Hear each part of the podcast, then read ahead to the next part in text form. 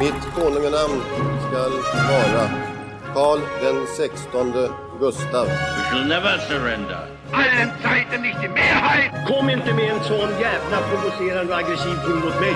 Där har våldet triumferat. Ask not what your country can do for you. Ask what you can do for your country. Ska vi verkligen öppna en till flaska? ja, vad fan har du att välja mellan? Skål, ta mig fan! I have a dream. Ah, I see you look at your leader. And I too look to you, Paul Bauma. It's one small step for man, one giant leap for mankind. Välkomna tillbaka till avsnitt 13. Eh, del 2 om VR. Precis, och vi ser långsprusad historia. Och eh, först vill jag bara ge en, en tacksamhetstecken för din vänskap. Årets vän måste du vara. Jag tänker på Mordehovet. Där jag satt och sa Isabö i typ en halvtimme. Och du hindrade mig inte. Och rättade mig.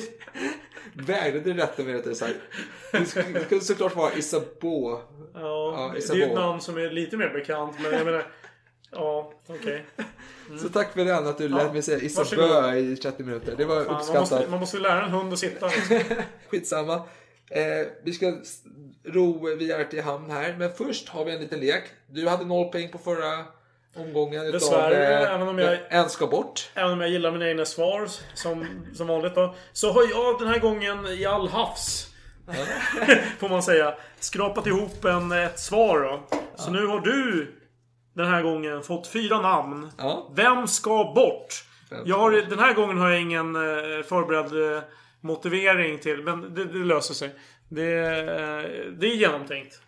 Så det går bra. Okej. För, för jag, jag fick ju en fusklapp förra gången som förklarade med facit av Ja. vad som var motiveringen. Okej, namn ett Arnold Schwarzenegger. Mhm. Okej. Ja. Ja, okej. jag, jag undrar Några vad- tankar? Nej, inget Nej. speciellt. Eh, Adolf Hitler. Ja. Några tankar nu? Clint Eastwood. Clint Eastwood? Ja. Vad fan. Det är helt... Och sen har du sagt Jean-Baptiste Bernadotte.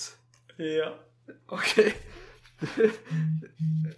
ja, jag vet inte riktigt vad jag ska säga. Du har två österrikare, en fransman och en amerikanare. Mm. Eh, ja, alltså. Om man säger så här, de andra har varit karriärer på film. Det har ju inte vår Bernadotte haft en karriär på den vita duken. Hitler blev porträtterad i många filmer och eh, Arnold har haft många filmer. Ah, fan, det här är svårt! Fan! Arnold, vad har han gjort för filmer? Commando, Hercules i New York. Det var det första jag kom att tänka på. Hercules i New York. Och eh, Clint Eastwood för några få dollar mer. Den onde, gode, fule. Den gode, onde, fule. Eh, absolut makt. Hitler, vad fan. Han gillar ju film också förvisso. Han älskar ju filmer. Han satt och kollade på Charlie Chaplin-rullar stup i kvarten. Vilket var förbjudet förvisso, men... Nej, jävlar. Det här var skitsvårt. Vilket, vilket spår ska jag gå på? Jag måste tänka... Varför finns det ingen ledtråd? Nej, det är lite... Vi, vi, det här är vår första version av den här leken. Det är möjligt att vi kanske måste korrigera den. För jag tyckte också det var svårt. Ja, vänta, jag måste bara tänka, bara kolla igenom alla namnen. Mm. Arnold Schwarzenegger, Muskelknutte, Jean-Baptiste Bernadotte, Hetlevrad, fransman. Eh, Clint Eastwood, hårdnackad. Adolf Hitler, ja, vet fan vad han var. Eh, eh, jag, jag tar en jävligt lam Mm. anledning. Ja. Jag säger att Clint Eastwood ska bort. Ja. Vänta, vänta, vänta, vänta. Han har ändå porträtterat många krigsfilmer. Heartbreak Ridge bland annat. Nej, han ska bort. Han är inte europé i grunden. Mm. Ja, är det Ja, svar? Det är mitt svar. Dåligt svar. Ja. Eh, rätt svar är att Arnold Schwarzenegger ska bort. Okej. Och eh, motiveringen lyder Örn. Och nu Ja. låter jag dig tänka fritt här. Vadå Arn? Jean-Baptiste har en örnnäsa. Yes. Hitler tyska örnen. Ja, Tredje riket. Ja, Örnen. Tredje riket, Clint Eastwood. Örn, ja, örnen har landat. Jajamän. Burton. Ja, Eller hur? Fan! Visst var den bra? Den skulle jag ha tagit. Det var ju samma klass. Alltså. Det, Helvete. det är bra klass. Det är bra Den klass. hade jag... Åh, Jag hyllar mig själv. Nej, men... åh, skiten borde jag ha tagit i... Ja, jag känner detsamma med din. Örnen har landat. Elsie McLean-boken som är en film där på 60-talet med Richard Burton som var för alkoholiserad för att göra sin egna stunt som fick vara stuntman när de satt på liften. Eller linbanan. Ja, just det. Linbanscenen där. Ja. Den borde jag ha tagit. Fan vad... Men det är svårt. Jag känner detsamma. Men det, det, det är så det ska vara känner jag, den Ja, här leken. precis. Viktigt meddelande till allmänheten. Filmen som Adam åsyftar är Örnästet och inte Örnen har landat. Jag upprepar. Filmen som åsyftas är Örnnästet. Slut på meddelandet. Ja men nu ska vi prata om Viert i alla fall. Så Jajamän, nu kör Åter vi. till historien. When Napoleon lay at Boulogne for a year with his flat-bottom boats and his grand army, he was told by someone, there are bitter weeds in England. There are certainly a great many more of them since the British expeditionary force returned. We shall prove ourselves once more able to defend our island home, to ride out the storm of war, Du hade allt du kunde begära. Du hade offrat så mycket för att komma till den position du hade. Från dina första stapplande steg i boerkriget. Alla gevärssalvor vars toner har skapat en symfoni som endast kan ha varit skriven av Gud själv. Tanken på att få utkämpa ett krig på den stora europeiska scenen har drivit dig långt. Du har offrat ditt ena öga för att stå där. Och nu är allt borta. En kula gjorde din hand till en belgisk slarvsylta. I din iver att få komma tillbaka till slagfältet bet du av dina fingrar. Men trots det hamnade du på ett sjukhus i England, långt från fronten. Där din hand var i sådant illa skick att döden otåligt vankade fram och tillbaka i väntrummet. Din karriär som soldat var över. Kunde ha blivit prototypen för 1980-talets actionhjältar, men nu är du bara en tragisk karaktär som ligger på en hård sjukhussäng medan resten av Englands män är ute och dansar på krigets storslagna bal. Du får nog och ber läkaren kapa den trasade handen. Vad är det för mening med att ha en hand om att få kriga? Men när allt hopp är ute visar det sig att mirakel kan ske bara man tror. Tror på krig, det vill säga. Krigets änglar är inte klara med dig. Du blir återställd och med endast en hand och ett öga kan du bege dig ut i krig igen. Döden får vända hem tomhänt. För dig verkar det gamla ordspråket stämma. Krig läker alla sår. We shall fight on the beaches. We shall fight on the landing grounds. We shall fight in the fields and in the streets. We shall fight in the hills.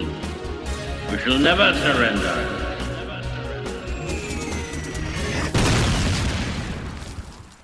Krig läker alla sår. så? Ja, precis. Ja. Eh, Men han, när han reflekterar över detta, han har förlorat en hand, han har förlorat ett öga. Och han har han föredrar ändå att ha förlorat en hand än ett öga. Han saknar sitt öga varje dag. Jag gör det. Ja, om han lär sig ändå att knyta sina skor med, med tänderna och en hand så här. Men öga, han tycker jobbigt när han inte ser vad som händer på sidan om, om honom riktigt. Han ville direkt till infanteriet då kavalleriet inte lämpar sig för modern krigsföring. Precis som eh, Foch analyserade det hela. Sa, sa folk det om kavalleriet? Ja, han sa det. Men det är ju bra folk. Det är Ja. väldigt framsynt. Ja, för han sa ju att häst har ingenting i, i första världskriget att göra alltså, i modern Härligt krigsföring. citat. Vilken, vilken härlig man alltså. Ja, men visst, så, så han blir ju infan, infanterist och han inser att de har ju mycket mindre att göra. Inte rena vapen och hästar och dylikt.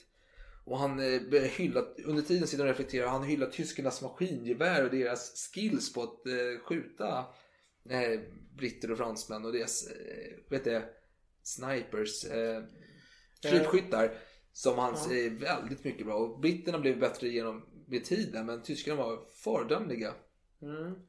Och eh, sen så, alltså det är mycket granater som kommer i kriget. Vet. Det skjuts större granater, det kastas mindre granater. Och han, eh, alltså han uppskattar dem inte. Nej, jag kan Dels- förstå det. För det är svårt att, Det är inte en ärlig kamp. Det är inte Nej. som sport. Där är man mot man. Det är inte någon, någon yttre faktor som påverkar. Och Precis. liksom förstör det hela. det är intressant att ta upp det, för det är precis det han säger. För att alltså, du, kan skit, du kan sitta i en skyttegrav och kasta iväg en granat utan att behöva se vad som försiggår där uppe. Så du behöver inte ta ansvar för vad du har kastat. Nej, det är inte lika personligt. Jag tror han sa nej, men han, han gillar den ärliga kampen. Mm. Han vill besegra sin motståndare men man blir ju inte riktigt besegrad om eh, motståndare fuskar och bara Ja. kastar en jävla granat och... Eh, Men sen så här blev man ju i april då, 1916 så fick de lämna fronten för att eh, träna upp lite, äta upp sig inför slaget vid Somme då. Och vi som, som Foch Ja, vi fick och hade en stor betydelse för. Ja, jo, det Fast nu, nu var det britternas sida så de, Ja. de tog det ju medparten av slaget som. Fransmännen hade ju en liten del där. Men de hade ju betydligt mer artilleri. Det är Ja. bara lite små Jo, detaljer. jag tycker Frankrike ändå hade ju större framgångar vid slaget Men de, de hade mer britterna. artilleri. Britterna Ja. hade mindre. Jo. Och, men absolut. eh, Nu är jag fel person att komma med den invändningen. I och med att... eh, Ja. Jag har ju mina... Du en folkhyllare. Ja. Folk och franshyllare. precis. Men faktum är, och det var den här... eh, Hart säger i sin bok också. Det var att eh, fransmännen hade betydligt mer artilleri. Ja. Koncentrerat. Precis. Så det gick bättre av den anledningen enligt honom. Ja. Ja, fortsätt. Adrian då, han fick över det åttonde Gloucesters a- armén då, Mm. delen. Och det var fina officerare och män tyckte han. Och han hade en tjänare som hette Holmes. Och han var väldigt underhållande. Och en dag så lät Holmes avlossa sitt gevär bredvid eh, Adrians öron. Då ett eh, fientligt flygplan flög över dem. Och Adrian, han är ju rädd om sina öron. Så han eh, bestraffar denna Holmes genom att ta bort hans gevär. Och istället fick han bara bära runt en filt och ett eh, köks, eller fältkök. Rättare sagt. Ja. Just det där med hur han beskriver andra människor. Det var någonting jag reagerade på när jag läste biografin. Just att han i, i jämförelse med hur Fersen beskriver människor. Han är lite mer elak. Ja. Men eh, jag tycker ändå Adrian, han, när han väl beskriver någon i detalj. brukar han ofta säga ah, very handsome, very bla. Jo då. alltså, jag vet inte varför. Han, jag, han är positiv.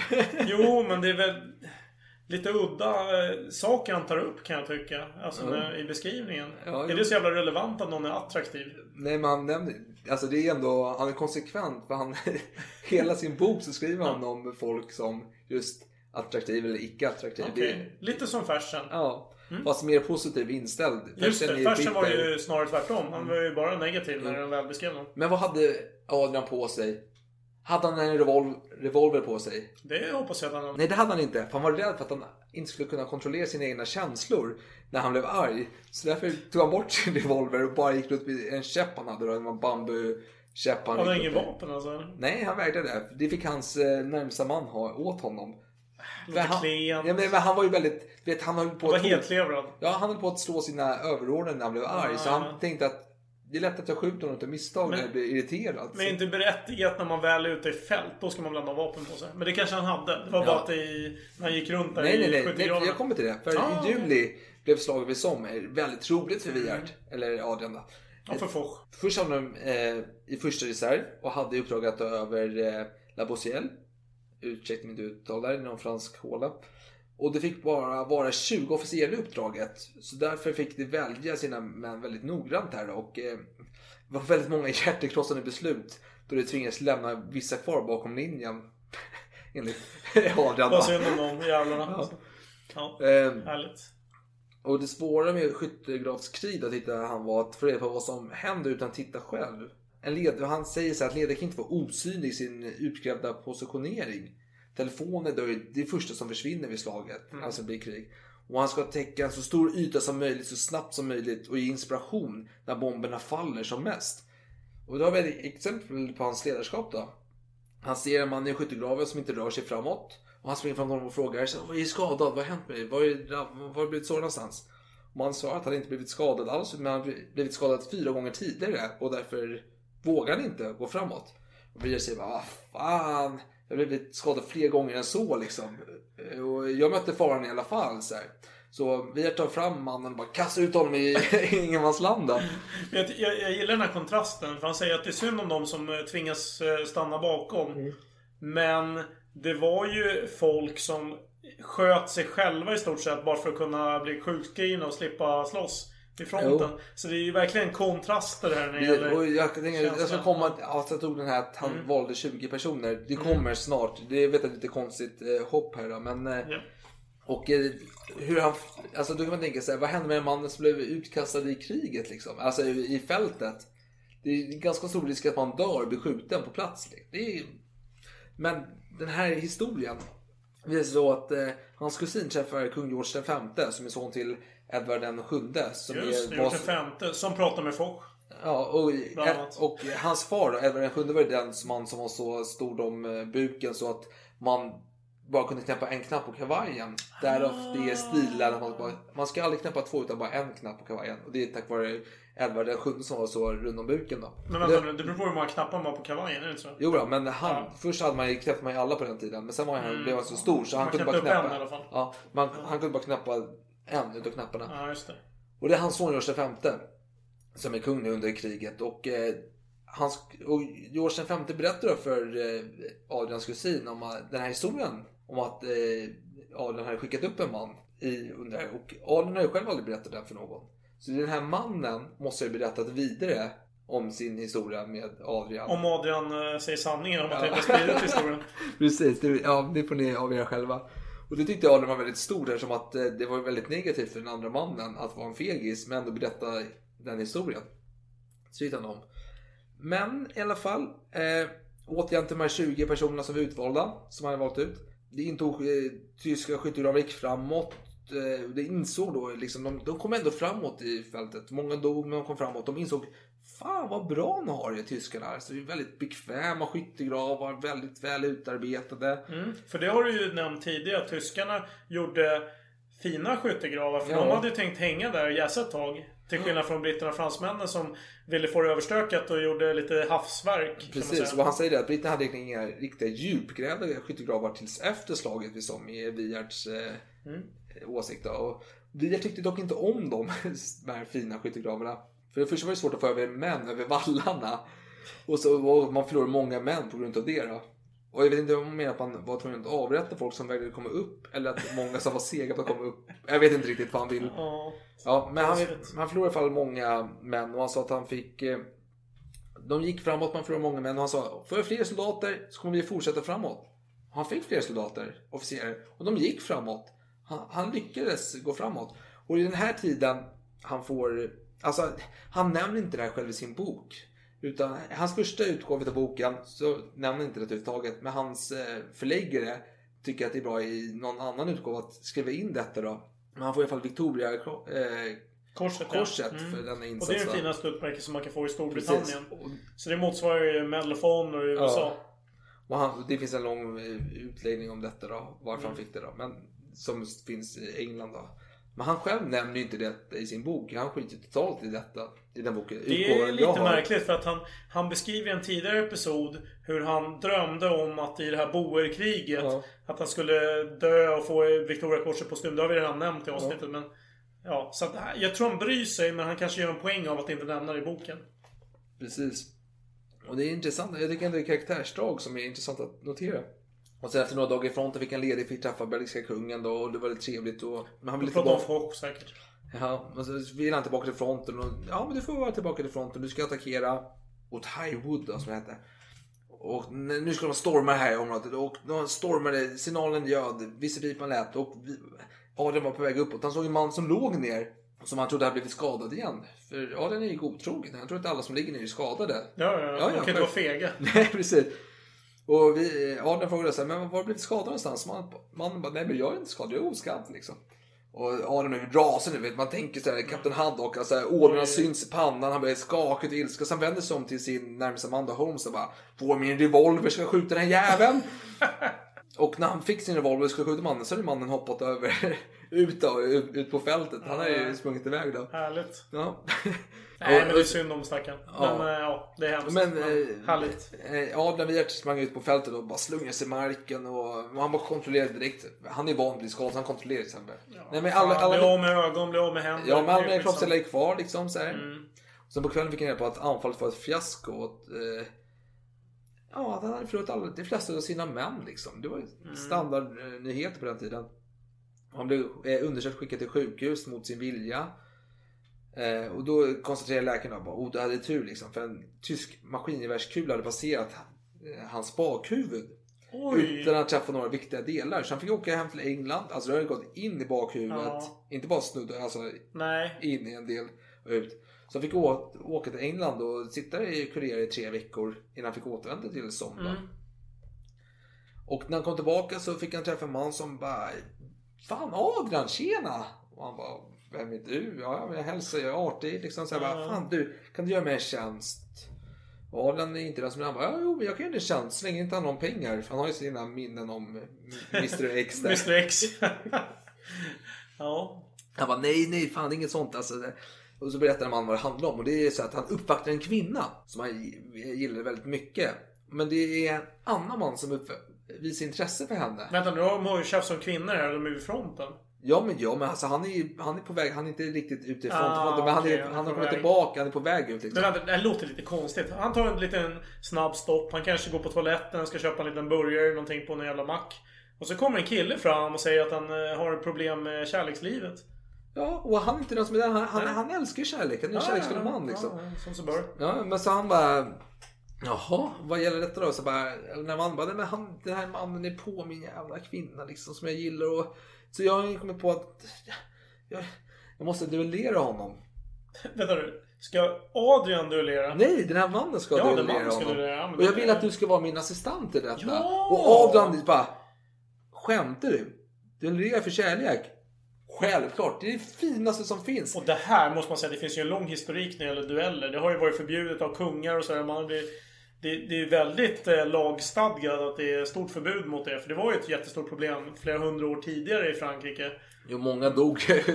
Äde, Ja, ärofyllda det blev ju en skitsak. Folk som var jävligt så här, äh, adrenalinstinna. De ville ju bara gå och döda folk. Alltså det, det blev ju som, nästan som mord. Man, man tvingade någon att ställa upp och duell så man kunde döda dem. Ja. Och eh, om de inte ställde upp då var de fega. Och eh, vad heter det? Heden kan man inte förlora. Heden går förlorad för de som eh, tackar nej. Så det, det var ju fruktansvärt. Så det var ju bra att man lagstadgade det. Men nu är vi här och nu är det duell. Ja, och han säger så här, Arnold säger att men, alltså, duell är ju bästa sättet att lösa frågor kring hjärtat. Alltså det finns inget sätt att lösa kärleksbekymmer än med duell. Alltså det är rimligt. Och vi gick till den andra mannen så här, bara, jaha, och berättade vad som skulle ske. Den andra mannen bara, men det här är ju löjligt, skärp dig. Och eh, Adam förklarar så här, men min, min klient, om man ska kalla honom för, han är väldigt seriös i detta liksom. Han vill döda dig liksom. Han och min klient accepterar vilka vapen som helst som du föredrar. Men han, Oj. men han helst uppskattar om ni tar pistol på nära håll.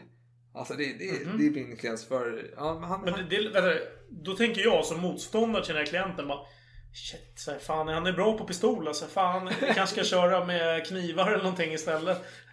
Hur, eh, fortsätt gärna fast, fast den historien. här mannen kanske var jättebra på pistol själv, det vet man inte. Det vet man Nej, inte. men så efter påtryckningar så började den här mannen bara okej, ja, jo, jag ställer väl upp på detta liksom. Lättlurad eller jävligt smart. Ja, och sen när det närmar sig så börjar den här motståndaren bara ja, jo, fast är det en riktigt bra idé detta? Nej, det var en fegis. Nej, men alltså, Fast ja, men så här, han fegis. bara, men fan vi kan råka illa ut om detta kommer fram. Men jag tänker, alltså, som du säger, alltså det är hårda straff på detta. Ja, men det- ja, fast i och för sig, det var ju ett problem flera hundra år tidigare. Jag tror inte det var så vanligt problem. Nej, men det var ju straff, det var ju straff 1900-talet. för det liksom. Ja, jo visst. Så eh, Adam bara, ja jo men vet du vad, det är krig nu, alla är upptagna med eh, sitt eget liksom. Så det är väldigt enkelt att åka ut till ett närbeläget område och hälla en tunna eh, bensin över den som nu dör. Mm. Och elda upp liket. Och Det ingen, var ju och, väl genomtänkt av honom. och ingen kommer märka någonting liksom. Det är ingen som har tid för det. Och eh, Ja, mannen, dagen går, mannen lämnar en lapp där han säger att han aldrig kommer besöka denna kvinna igen. Jaha, motståndaren? Ja, motståndaren. Jaha. Och vi, eh, Adam Blev besviken? Han blev väldigt besviken. Han Ja. bara, fan den här mannen tyckte att kvinnan var värd att slåss för helt enkelt. Så kär var han inte så han var villig att dö för henne. Vilket var en svaghetstecken enligt Adrian då.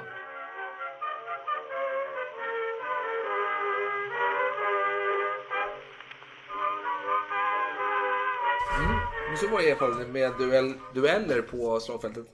Men livet gick vidare för Adrian. Mm. Nu har han fått sig ett Victoria Cross. Ja, han har haft eh, en misslyckad duell eller en alltså Ja, han fick inte vara med om en riktig duell. Det är lite trist. Det Det kan man skriva i sin dagbok. en dag då, så fick han eh, in en tysk soldat som hans män anklagade för att ha skjutit skadade britter. Det, det är allvarliga anklagelser. Det här går emot allt som sunt förnuft säger och Genèvekonventionen. Och eh, Adler förklarade vad tysken var anklagad för. Och, men tysken var väldigt ung och artig och svarade väl. Så eh, Adler blev väldigt imponerad av tyskens lugn först och främst och eh, farande. Så han släppte eh, tysken. Han sa till sina män så här att om de såg honom göra det som de anklagade honom för att gjort så borde de ha skjutit honom på platsen. Och Mm. därför var deras anklagelser falska. Ja, det, ja, Okej. det, Det är en härlig, härlig tanke. en dag i alla fall så tittar Adrian upp över linjen då. Alltså, Han är ändå, till skillnad från folk som sitter på en kulle i en stuga så. Kom igen, han inspirerar sina soldater. Som ni har hört i eh, introt där för del 3. Hur han inspirerar de här soldaterna att springa framåt och... Eller är det inte så du tolkar introt? ja, vad vet jag? Med tanke på att jag skrev introt. Ja, ja, ja. Jo, visst. Det, är- det, Ja. är- det är kanske mitt största misstag i livet. Skitsamma. Eh, men vi är, Adrian tittar upp genom linjen. Till skillnad från folk som satt på en kulle långt borta så var den ute i fältet. Och han tittade upp över linjen och då blev han attackerad och bombade. eh, Alltså det smällde runt omkring honom. Bomber överallt och skott avlossade. Så Adrian alltså reflexmässigt, han går inte och gömmer sig som en fegis alla folk utan han springer upp på Nej, fältet. men, papp, papp, papp, papp. Det där var ett onödigt tjuvnyp. Okej, skitsamma. Han springer upp på linjen och bara springer runt där på slagfältet och bara... Han bara flyger fram och tillbaka. Och han återvänder efter ett tag till sin linje bara. "Vad Fan, det var jobbigt detta. Och så fick han åka till sjukhus då liksom. Och då, han var ju skadad lite lätt så här. Så frågade han sig hur många offer hade vi liksom? Vad hände? Hur hände? De bara nej. Du var det enda offret. Det var ingen, det var ingen motstånd. Det var bara Nej. du som skadade dig själv. Eller? Nej. Ja, men så här, och dagen efteråt fick han att hans högkvarter där han hängde Ja. hade blivit sprängt till bitar och alla hade dött i det. Så det var ju tur och oturen att han hade sprungit runt där på fältet och Ah. eh, vad han nu gjorde, jag vet inte riktigt. Jag. Och eh, kriget gick ju bra för eh, britterna och fransmännen med amerikanernas hjälp då, och krigen gick mot sitt slut. Är vi 1917? Ja, 1918. Ja. Ja. Och eh, glädjen försvann, försvann väldigt snabbt efter freden för Adrian. Liksom. Det förstår jag. Ja. Det var ju som för Foch. De sitter där och bara... De, de, eller nej, Foch kände ilska över freden. Han tyckte det var för mild mot tyskarna. Mm. Vad kände Viar? Jo, han skriver så här. Jag tror endast att det är de civila som får känna den sanna glädjen vid ett krigs slut. Och, så, och då får jag tänka så här, och det, det kan jag förstå liksom, för han är ändå en krigare i dess... Man får ju tänka, är man soldat, eller framförallt om man är en hög befäl, då ser man den stora bilden som inte allmänheten ser. Ja. Och eh, i Fochs ögon, då var det här inte en seger, utan det var liksom man, eh, Det var ett vapenstillestånd och det skulle liksom bli stridigheter igen. Mm. För att man inte uppnådde tillräckligt bra villkor. Ja, och eh, Adam var kanske inte mer, alltså han uppskattade krigets vardag mer än... Han ville ha krig, han tyckte det bara var tråkigt. Eller? Kan det vara och, så? och, och, och vi tänker på att det här är ett krig där han har förlorat sin hand. Han har blivit skadad ett antal gånger. Han blev av med ögat, det kan inte bli så jättemycket värre. Nej, men alltså, han har blivit skadad ett antal Mm. gånger. Och så sammanfattar kriget. Jo, han säger så här. Uppriktigt sagt så uppskattar jag kriget. Det har givit mig många dåliga minnen och många bra minnen. Mycket upphetsning. Det är hans sammanfattande. Men adrenalin-junkie. Det Ja. var innan det här med äventyrs... Eh, eh, resor som man gör och hoppa bungyjump och allt vad fan man gör för adrenalin. Det här var ju den tidens sätt. Ja, men jag tänker så här, det är många, alltså, det händer kriget där många av hans vänner dör. De flesta som, alltså de flesta soldater, de, men de sitter helt så här, skakar och allting. Och det här är en man som bara, ah, vad kul detta var. Jag uppskattar detta. Bra grabbar, vad roligt detta var. Han var laid back. Vi gör det igen liksom. Han var en eh, smooth soldier. Eller någonting. Alltså jag tänker smooth jazz. Ja, Eh, jo, jo, du förstår referensen. Jo, jag förstår referensen. Men sen får vi bara nämna att här, han hade en vän i kriget. Mm. Som han kommer att besöka långt senare. Men på tal om excentriska britter. Det är en högt uppsatt adelsman. Som hade som husdjur en, ett lejon. Eller om det var en tiger, något sånt Var där. inte det en panter? Eller vänta. Ja, jag känner igen det där. Ja, Okej, fortsätt. Ja, i alla fall. Och så var han i slaget och bara förlorade ett ben. Och var tvungen att amputera benet. Och sen han vaknade upp efter operationen. Eller så här, för han blev utslagen där det skedde. Och sen han vaknade upp så hade de amputerat bort benet. Och hans kommentar var så här, mm. Jaha, ett ben är borta. Ja. Du, jag hoppas ni matade min tiger eller lejon med mitt ben. Nej, okej det var en annan anekdot. Men jag tänkte på det, för det, han eh, skrev någonting om att han hade någon vän som hade något så här rovdjur som husdjur. Ja. Om det var en panter eller Ja. något liknande. Och sen av någon anledning var de tvungna att döda den här pantern och det var lite, lite olyckligt. Ja men det, det, det tillhör den excentriska aristokratiska Ja. omgivningen. Japp. Nej men och sen han filosoferar vidare liksom. Han tänker så här. Kriget visar vad en man verkligen är. Inte vad han vill vara eller vad han säger att han är. Alltså att en man blir väldigt naken i krig. Mm. Ja, alltså, det ja är... men så är det. det är, eller så är det. Jag har ju inte varit i krig. Men jag kan tänka mig att i stundens allvar då, då försvinner de här fasaderna. Då är eh, ens instinkter som tar vid. Mm. Och det är det man uppmärksammar. Men så vad hände efter kriget då? Ja, misär i några år. Men, men, han har ju hört sin store mentor Fox ord. Att eh, Versaillesfreden, det är bara ett vapenstillestånd i 20 år. Och så blev det. Ja, ja. Men alltså... Nej, han... men visst. Nej, okej. Om vi ska säga någonting om mellanåren. Ja. Det är det du är ute efter va? Det är det jag är ute efter. Ja. Jo, nej, han fick lite tråkiga uppdrag. Han var tvungen att åka till Polen.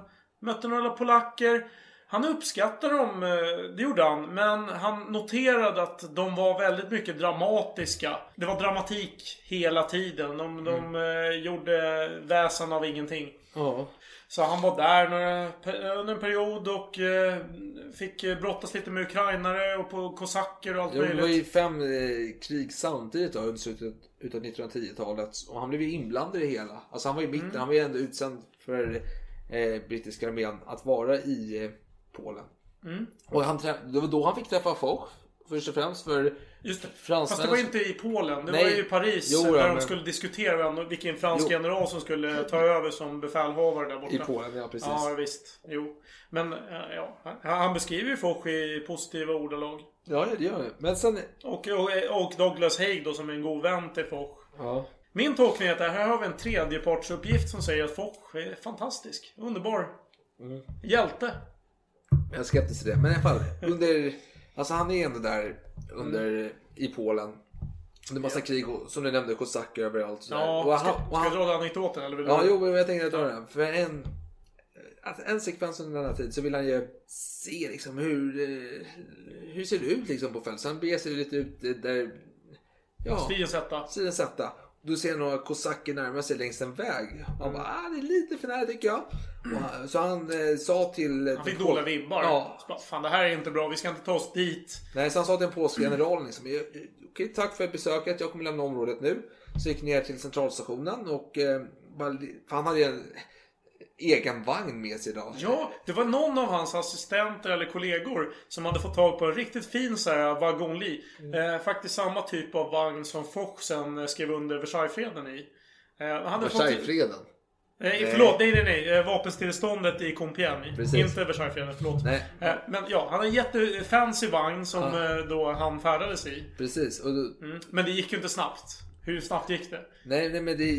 Nej, nej men i alla fall. Eh, Ja, sen, sen dit så gick jag ner och bara, fan jag måste koppla den, min vagn till något. En vagn åker inte av sig själv, det behöver Nej. ett lok för att åka. Ja. Och då, så han gick runt och frågade eh, stationschefen, så här, finns det någonting? Jag bara, ah, jo men vi har ett flyktingtåg här som du kan koppla din vagn till.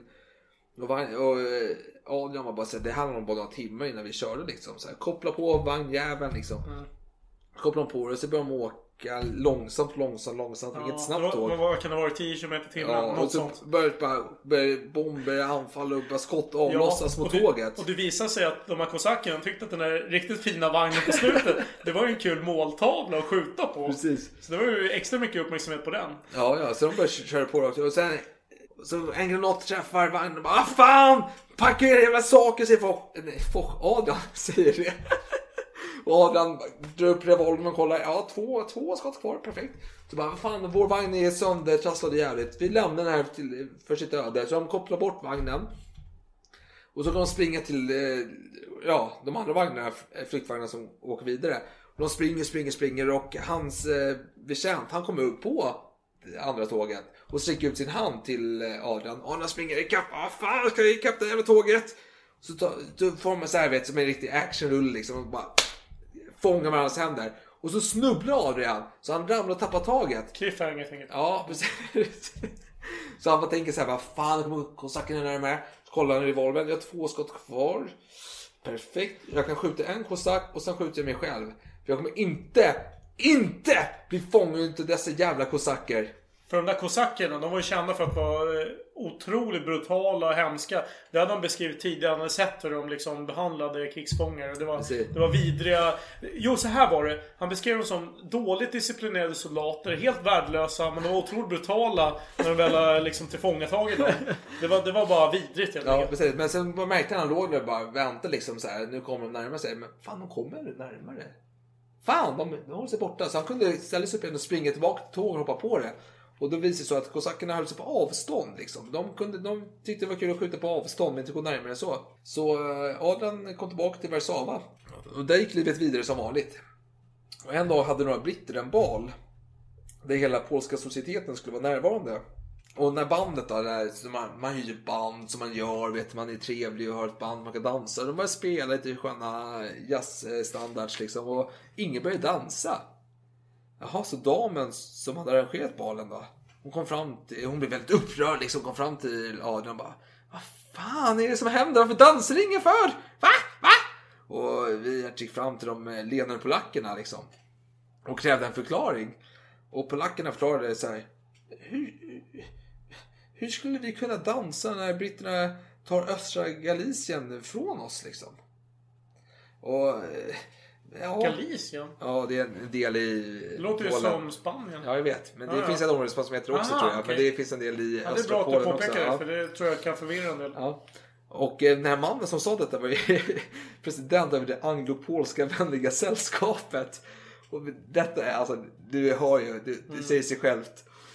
Så vi, Adrian, eller Wiert då, Adrian Wiert föreslår att mannen borde avgå från sin post.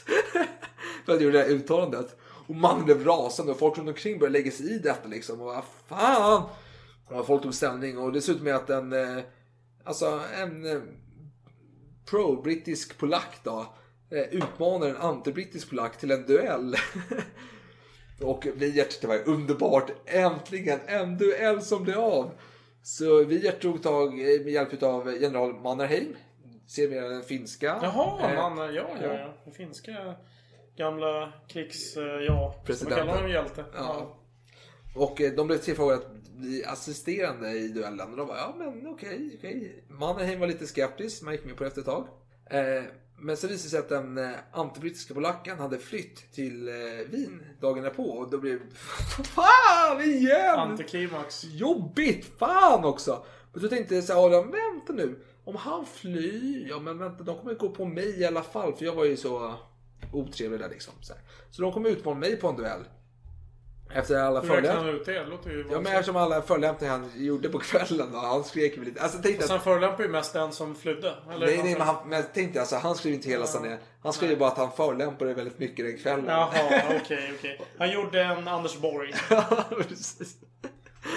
Och, eh, men ingen kom att utmana honom. Och eh, eftersom han hade förolämpat de här polackerna på den här klubben Eh, den här kvällen så verkar han äta sina måltider där mer framöver. Och då kom de, någon så här polack och frågade så här, varför du inte äter här längre? Och då förklarade hela situationen. Och då tyckte den här mannen att ja, men ni borde reda ut situationen genom att du ska be om ursäkt.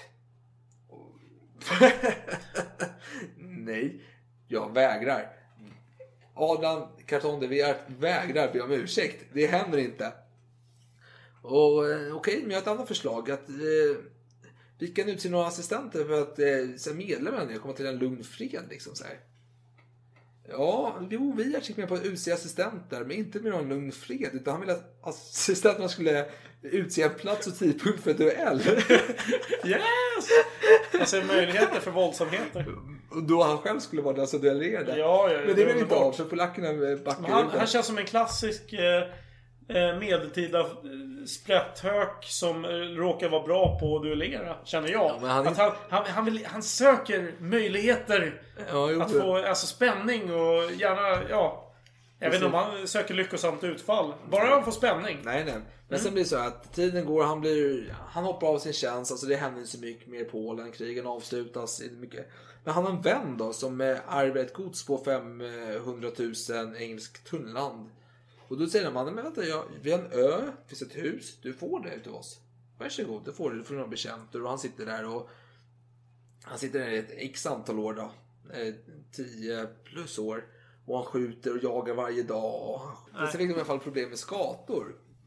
Och eh, han brydde sig inte om skatorna. Men en dag då fick han se en skata picka ut ögonen på en kyckling. Och då var det nu jävlar ska ni få era jävla skator tänkte han. Så det är krig. Så det är lätt att skjuta skator. Men det är ingenting för Adrian. Utan han eh, lät fylla ägg med fosfor. som han la upp där. Och så, ja, snart hade alla skator dött då. Och hans betjänter eh, började säga, ja, varför ser vi inga döda skator här i vårt, runt vårt hus? För det har ändå förgiftat dem liksom. Så det borde ju ändå vara. Och då blir eh, Adrian väldigt filosofisk. Jag tänker så här. Ja, tänk om de är som de övriga sjuka vilda djuren i världen. Att de eh, går ut och dör i ensamheten. Citat. Kanske tänker det som Peter Pan. Att dö måste vara ett stort äventyr och vill fånga spänningen och det själva. Eller kanske ser döden som en svaghet vilket måste döljas för nyfikna ögon. Vem vet? Så börjar jämföra skatorna med elefanter som eh, har så här kyrkogårdar för sig själva i Afrika. Så de svåra buskar och sånt där. Vet jag. Man måste dra sig igenom för att hitta de här begravningsplatserna. Och sen hoppas han att elefanter kan förlåta honom som jämför dem med skator. ja, men han lever ju ändå under tiden i Polen väldigt flott. Och han säger själv att lyx är ingen nödvändighet. Men bara en dåre skulle välja att leva obekvämt. Håller med. Det är men, hans, eh, men Peter Pan, jag visste inte att han dödsfilosoferade så mycket. Ja, jag har inte läst boken själv, men det kanske är så. Spännande uppslag. Ja.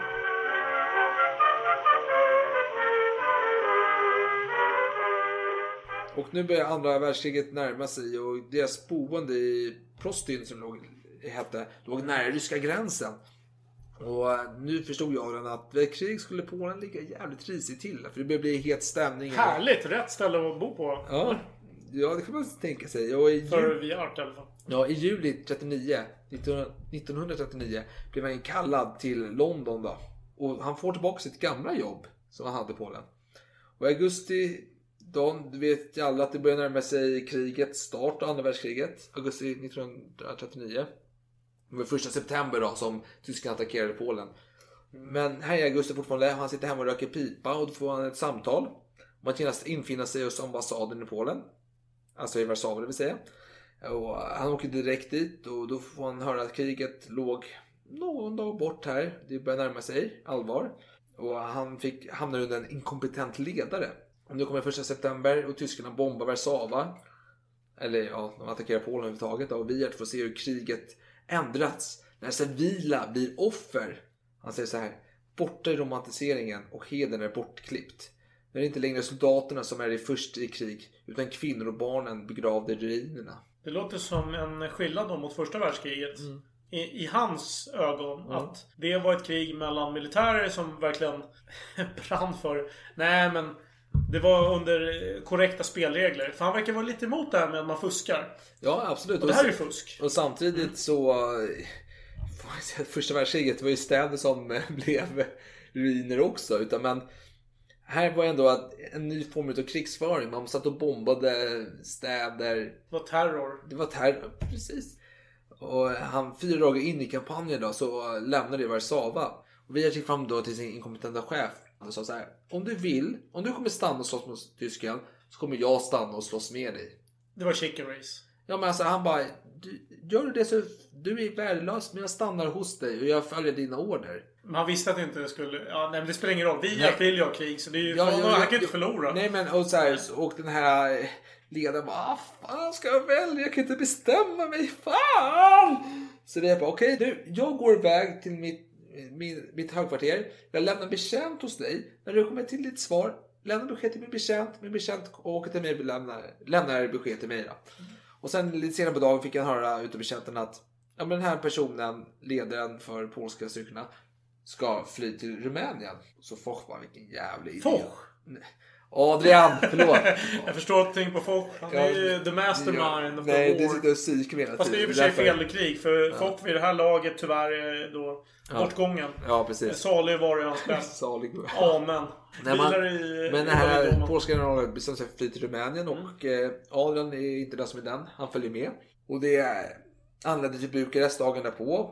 Och då, där är det fullt med spioner. Tyskarna, alltså Rumänien och Tyskland har en ganska bra relation. Så tyskar överallt och spionerar. Spionerar? Fan. Spionerar. Spionerar, tack. Spion- Spioneri överallt. Det är som Precis. Stockholm i väntavsnittet. Ja, precis. Avsnitt 8 är det. Det är så? Ja, det hoppas jag. att- Så jag inte säger fel nu. Men jag tror att det är 8 i alla fall. Jo, det är 8. Och eh, som tur var hade de kontakter med den rumänska premiärministern som gav eh, Adrian falska identitetshandlingar. Då. Och då tänkte de så här, vi kan ju ta ett flyg, du har ett eget flyg. Men nej, du måste ta tåget till Paris.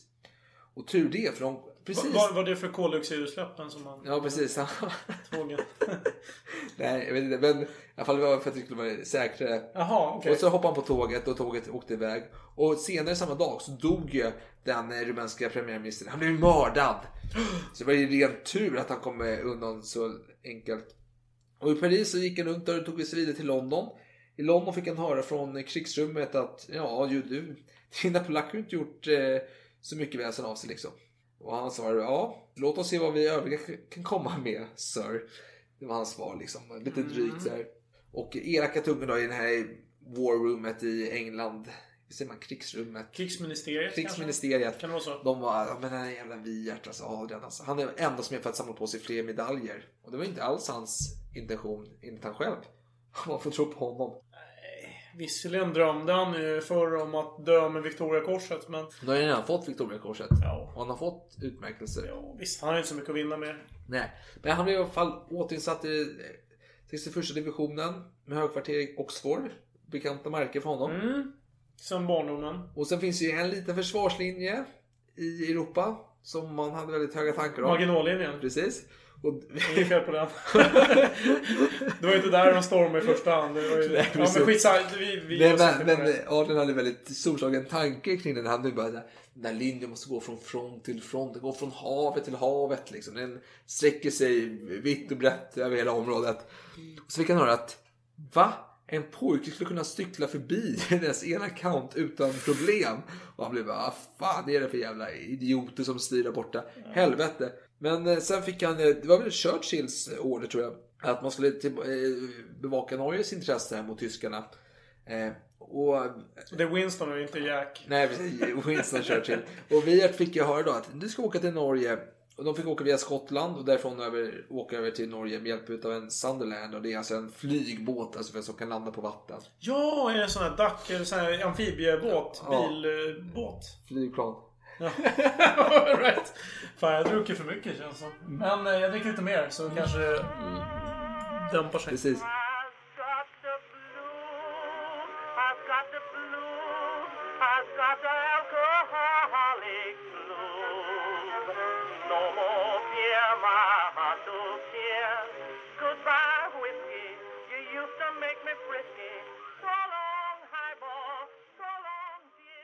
Och vid Norge så mötte de tyska plan som sköt ner dem. De fick nödlanda på vattnet.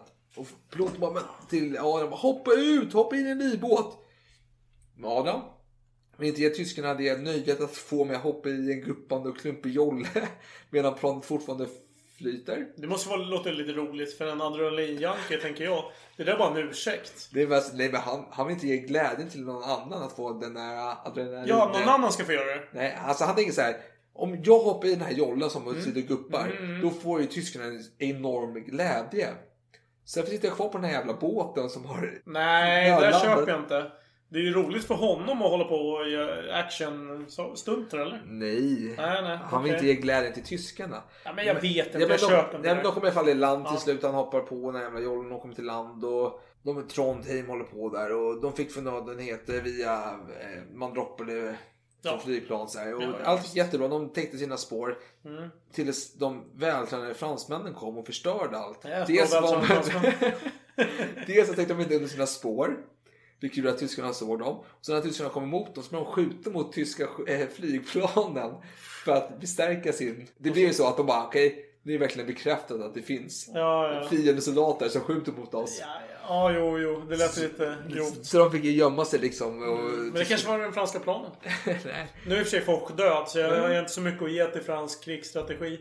Jag får nog... Eh, Nej men sen det hände, inte, det hände inte så mycket och det kommer fler och fler officerare och generaler till soldat eh, till Norge. Så det var ju, det är högprio-område. Till slut så var det så, så, som Adrian konstaterade, det är ju mer officerare och generaler än soldater Mm. här.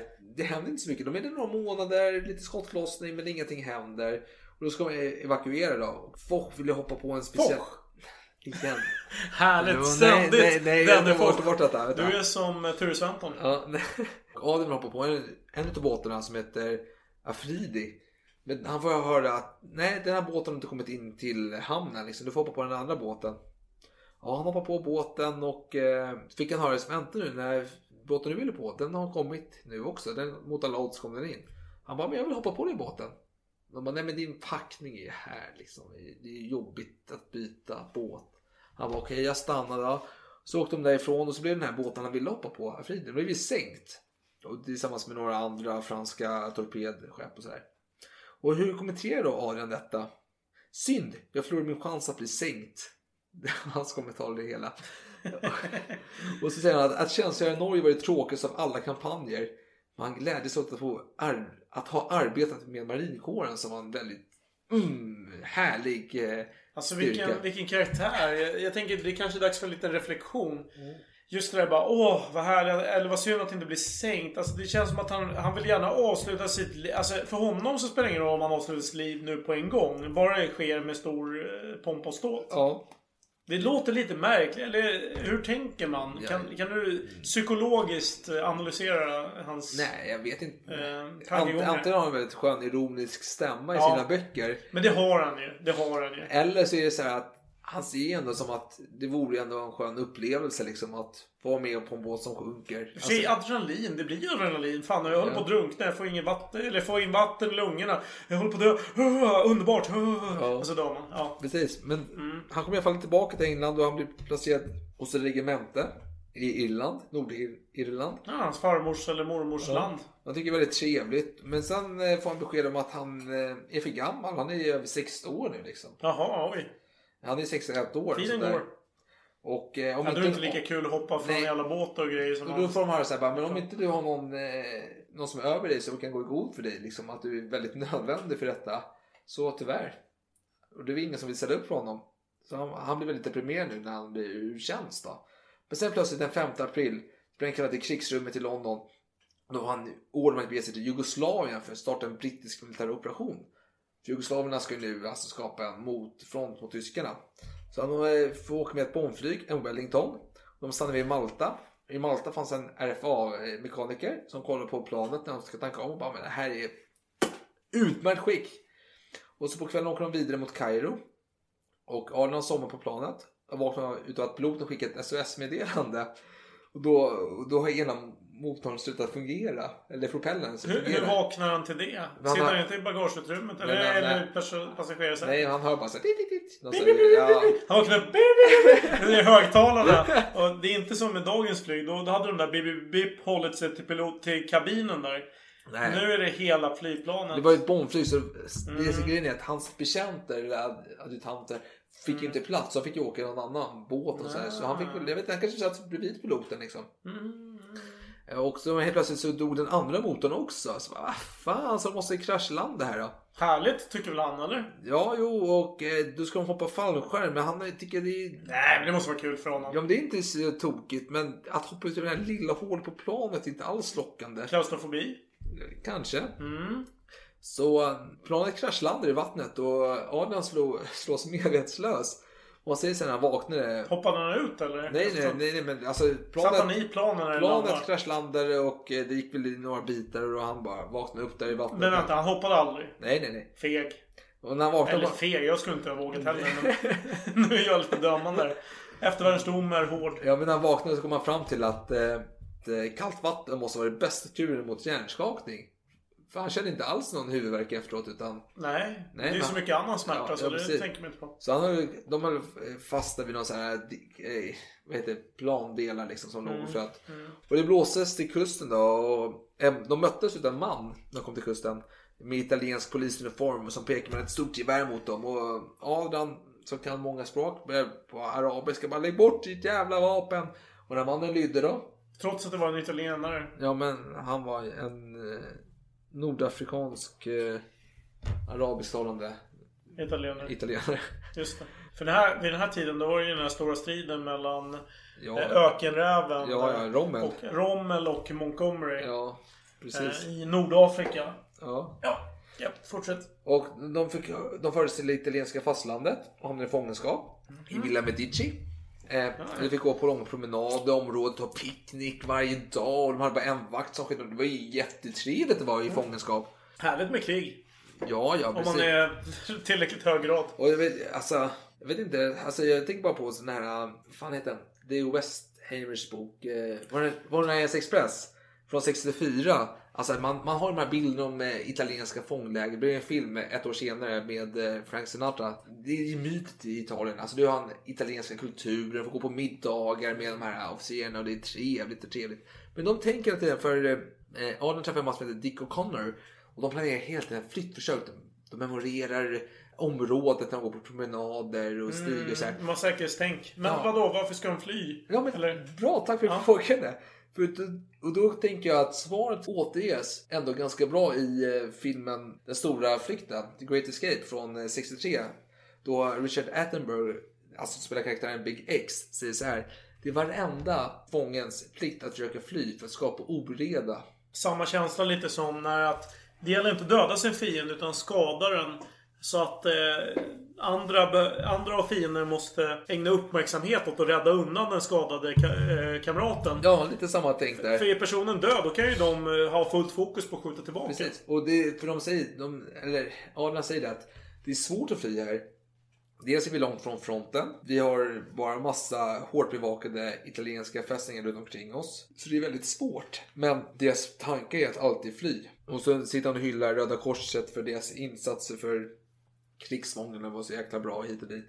Det är även bara en liten anekdot när The Great Escape som släpptes, hade premiär 20 juni tror jag, 63, alltså efter Wierts död. Han dog ju femte. Då hade man, alltså man vill inte, de som var med, alltså de riktiga fångarna ville inte avslöja alla det- detaljer för att det skulle förhindra framtida krigsfångar Mm. att utnyttja samma. Ja. Men de hade hjälp av Röda Korset, det är det Mm, man vet i alla fall. mm, mm. Men alla fall, och eh, de satt där ett tag med väldigt trevligt, väldigt trevliga fångvaktare.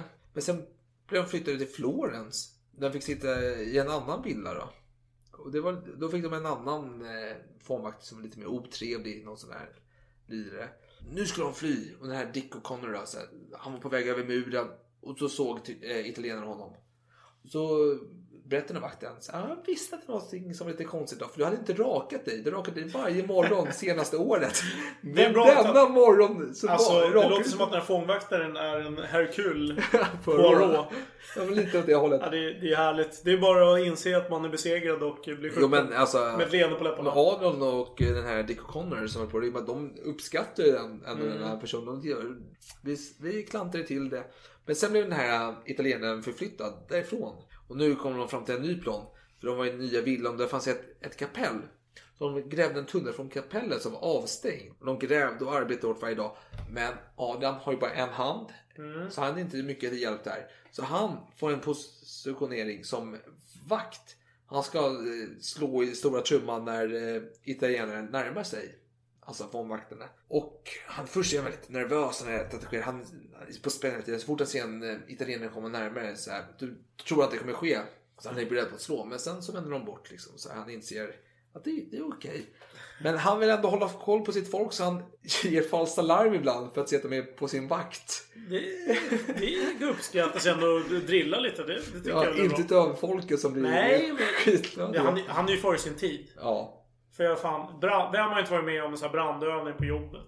ja, absolut. Absolut. Jag tycker det är klokt.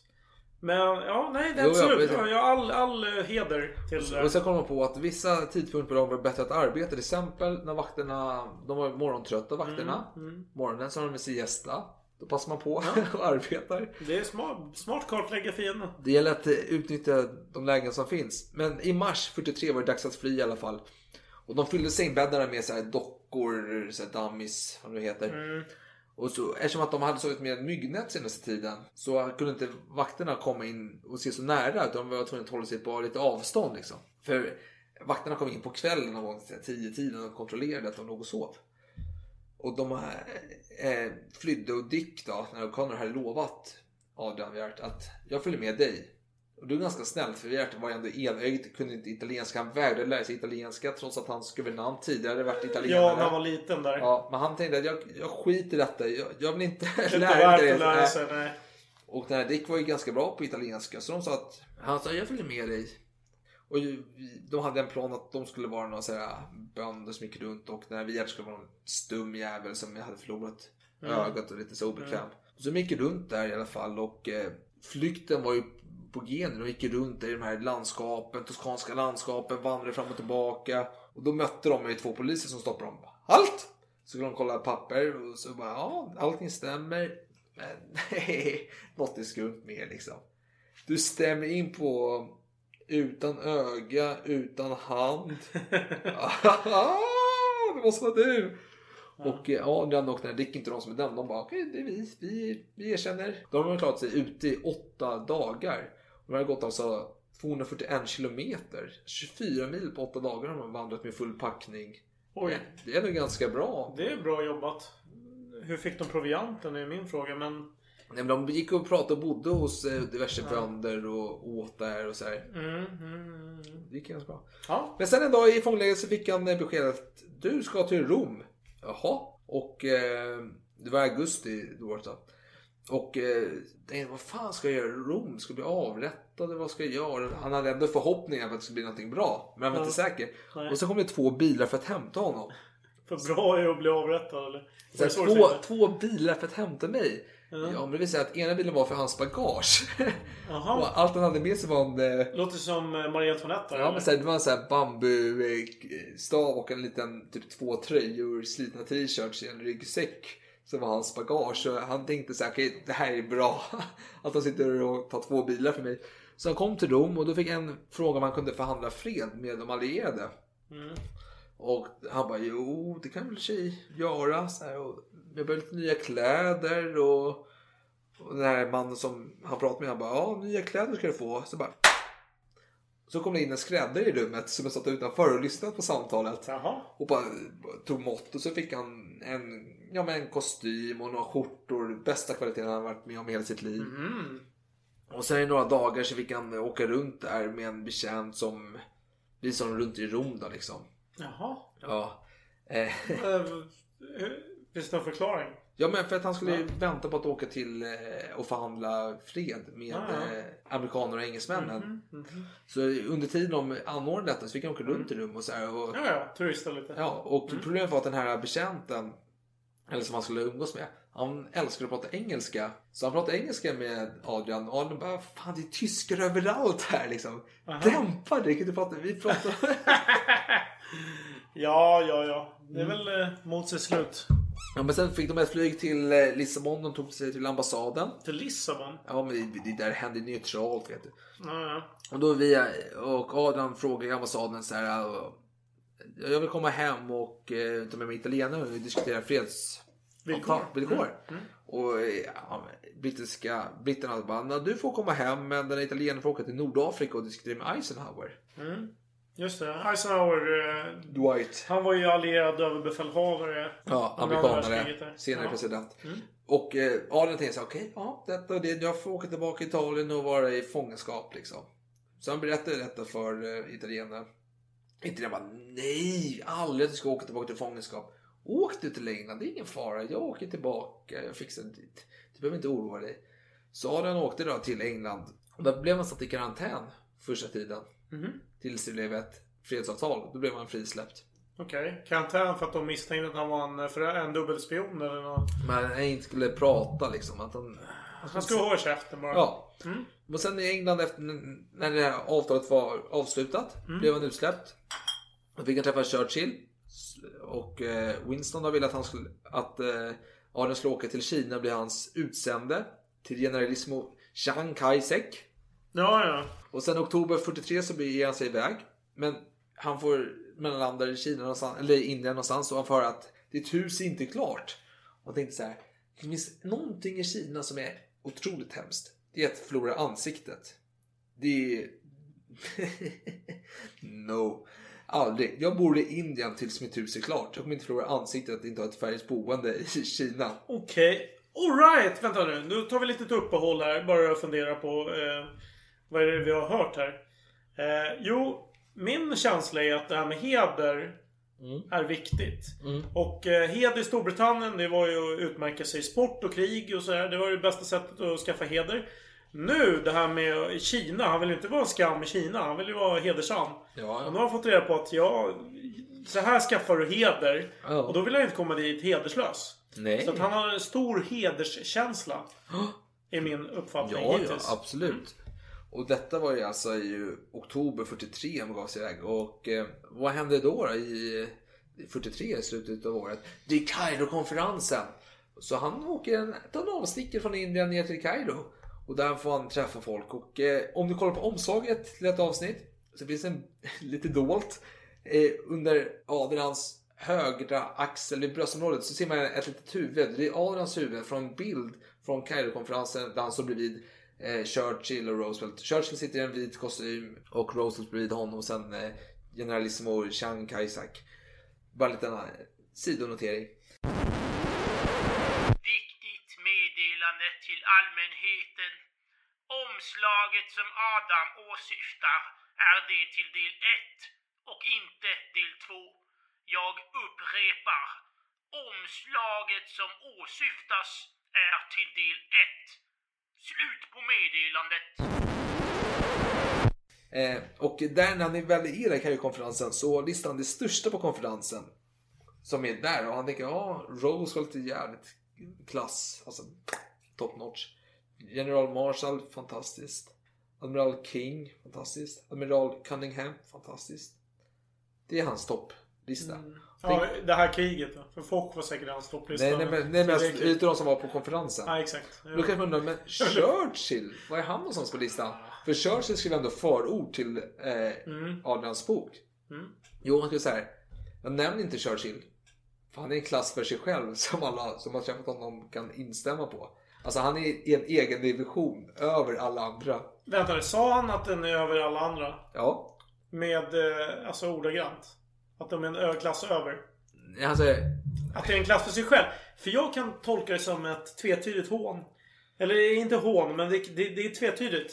Är han en klass för sig själv eh, positivt eller negativt? han är en klass för sig själv positivt. För han... Är det uppenbart? Ja, det kommer senare i Ja. boken så kommer Ja. han nämna det. Så det är, i hans eh, Mm. syn så är det självklart. Men han åker tillbaka till eh, Indien och sen får han höra att ditt hus är klart. Fan vad trevligt. Han åker till Changqing i Kina.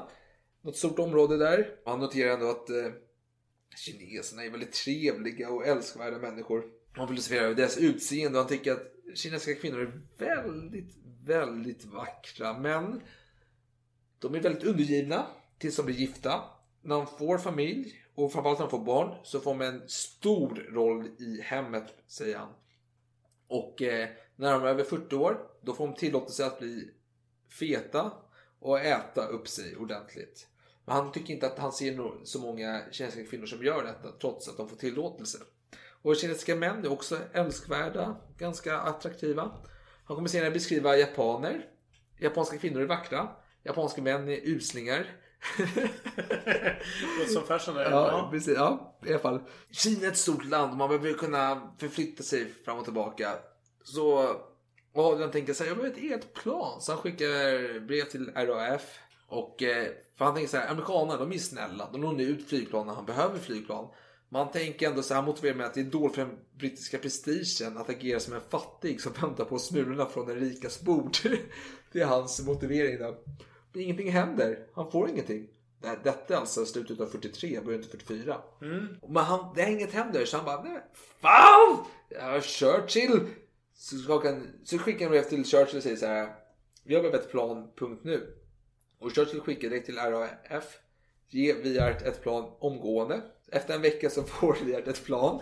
Det är mest, det- detta är ändå tiden då RAF går på knäna kan jag tänka mig. Redan. Alltså, det, det är inte så jättebra läge. Det är inte februari 45 vi pratar om. Nej, detta är slaget i Storbritannien är över, men det är inte så att man har överkapacitet av flygplan. Nej, Nej. Men, men han fick ett plan i alla fall. Mm. Eh, och han fick en Wellington. Wellington är ett plan som kraschade senast när han var, skulle flyga mot Jugoslavien. Och när de åkte från Indien med en last fylld med sprit, vilket jag förstår att man gör, eh, så fick eh, Adrian inför att de skulle kraschlanda. Han var helvete inte igen. Eh, synd, framförallt med tanke på den dyra lasten de hade. Och han hade en väldigt stor oro för lasten. Men de kraschade i alla fall och han överlevde, alla överlevde. Men som sagt, den här oron, vad hände med lasten? Ingen vet. Det var folk som runt omkring planet och han gick fram till, runt det här planet, så, eh, ja, resten av planet, fanns en amerikansk mekaniker. Och Adrian bara, du, ta fram eh, min sprit här. Han bara, nej, jag vägrar. Han bara, men du får en flaska sprit, eller whisky om du hjälper mig. Och whisky var skitdyrt på den här tiden i Kina. Så mekanikern bara, ja självklart hoppa in och hjälper till här. Brinner för planvrak liksom så här gräver. Kappvändning. Alltså, hej du är omöjlig, jag vägrar. Alltså, ja, du får ett spel. Oh, kasta sig. Till eh, Adrians stora glädje, all sprit hade klarat sig under Oh, kraschen. Ja. Men sen fick de ett nytt plan, en till Wellington. Han, han åkte. Men det hör ju på namnet, det är ju skitbra. Det ska inte vara sånt. Va? Återigen så åkte Adrian med en plan. De kraschade igen. Hans tredje flygkrasch som han överlever. Och sen fick de en, en ny. Och den kraschade på övningsturen de hade i Indien. Då var inte Adrian med då. Så han var med om tre flygkrascher. Och sen fick de en Dakota C47. Och den kraschade aldrig. Den var perfekt. I Kina hände mycket saker. För kommunisterna hade sin eh, del som höll på att påverka och gå i kraft. Och han hamnade på mitten med kommunisterna i Kina. Och Mao var ju där med som representant. Ja. eh, Kommunistledaren. Och då fick han frågan liksom att så här, Ska du inte besöka vårt kommunistområde i Kina? Han bara aldrig, helvete eller jag hatar kommunism. Kommunism är värdelöst. Sa han på middagen. Och började så här, häckla kommunismen. Och de här kommunistiska ledarna började garva lite så här. Jag bara, ja, ja, du är välkommen i alla fall. Så, här. så han blev inbjuden flera gånger. Man tackade nej varje gång. Och eh, så fick han höra att eh, Churchill blev av med sitt jobb. Vilket han tyckte var en skam. Rent av sagt att så fort det var när kriget var över ja, att han Ja. blev omvald. Ja, han var, så fort eh, faran är över så kastar man Mm. någon till vargarna. Ja. Men den nya ersättaren lät eh, Björk vara kvar i rollen ett tag. Men sen var, gick den tjänsten ut och då frågade generalissimo om han ville vara, eh, Adrian ville vara hans Den person. där Kauchek eller? Ja, precis. Ja. Om han ville vara hans personliga rådgivare. Och det var, åh, fan ska jag göra det eller inte? Ja, jag vet inte. Åh, nej, jag vet inte. Jag, jag kan inte komma med ett svar just nu liksom. Men sen skulle japanerna, under tiden japanerna skulle ge, skriva på fredsavtalet så ville Adrian vara med på plats. Så han åker ju till Vietnam för att vara med när de skriver under detta. Och han tar en liten tur till vänner och bekanta i Indokina då, under tiden. Och då, under nej, en dag så snubblar han, på en eh, dörrmatta ur kokosnötter med hans läderskor som glider undan. Så han slår sig allvarligt och bryter någon ryggkota hit och en ryggkota där och är nära döden. Och det är då han kommer på att han ska skriva denna bok egentligen. Jaha. Då tänker han så här, ja jo, ja okej jag är nära döden så jag skriver väl en bok om detta då. Han får återhämta sig och han åker runt till olika vänner runt om i världen får återhämta sig, bor hos några frimurare. Han tillhör ju inte själv sekten men han får vara med där och hänga lite och får den bästa vården. Och eh, det intressanta i hans liv det är att eh, han dör ju någon gång i livet också. Såklart. Eh, Mm, vi har redan sagt vilket år. Ja, jo 63. förlåt. 63 dör Samma år som John F Kennedy. John F Kennedy, ja precis. Och eh, det är egentligen eh, jo, det är samma datum som den franska kungen Ludvig den tionde dör i lunginflammation han gjorde. Ludvig X, det var, det var Det länge var väl sedan. länge, mycket lång tid tillbaka alltså. Men det är kul att han har lite intressanta datum i bakfickan i alla fall. Mm, han, han var ju en man för datum och vidskepelse. Så Ja. vi måste ju i hans anda Precis. upprepa det. Men sen kan man ju fråga sig lite intressant här. För han, vad hände med slutet av hans liv? För vår historia slutade någon gång runt slutet av 40-talet.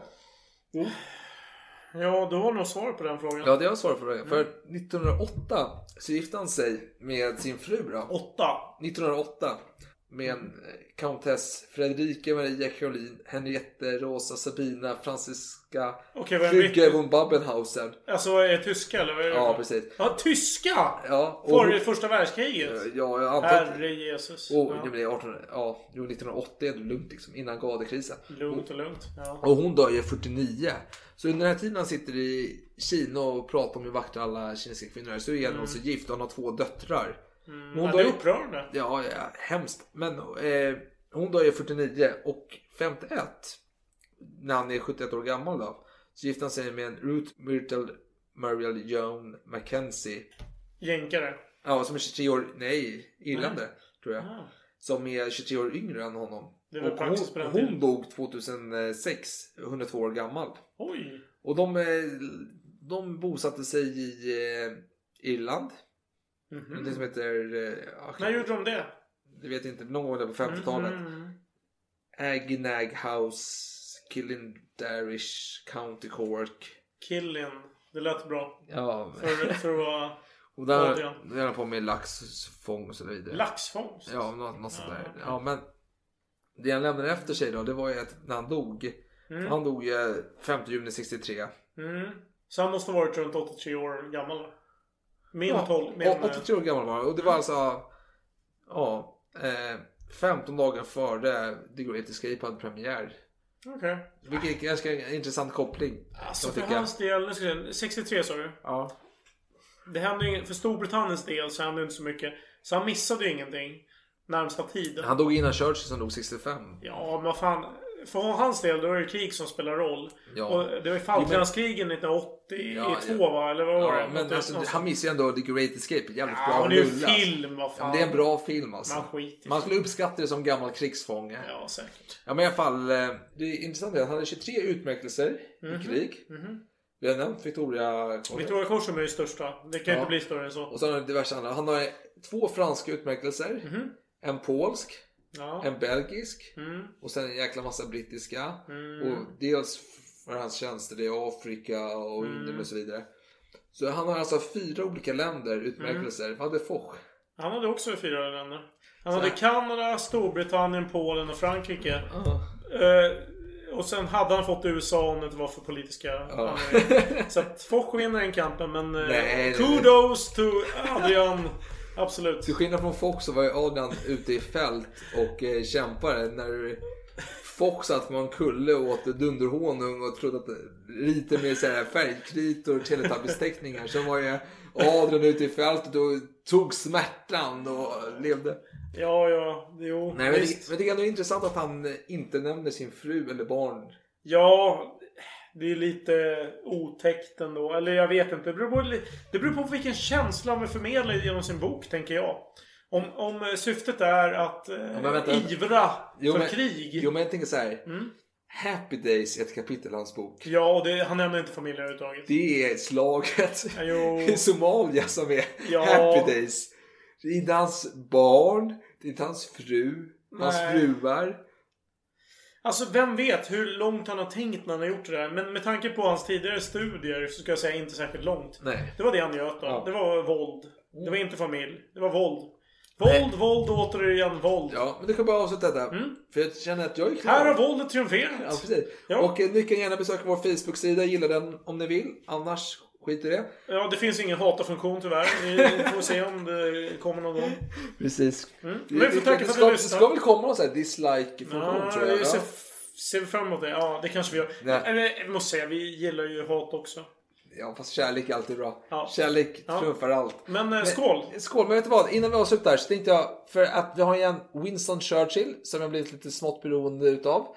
Han har ju skrivit förorden till eh, Adam Carton de Wierts bok. Och det här var alltså Nobelpristagaren i, I litteratur, ja. 53 som har skrivit. Ja, och en suput. Ja, och då tänker man att här- detta är en ordtrollare. Ja. Och det kan vara det mest torra jag läst i mitt liv. Men Ja. varsågod, du får läsa hans eh, förord till boken. Varsågod.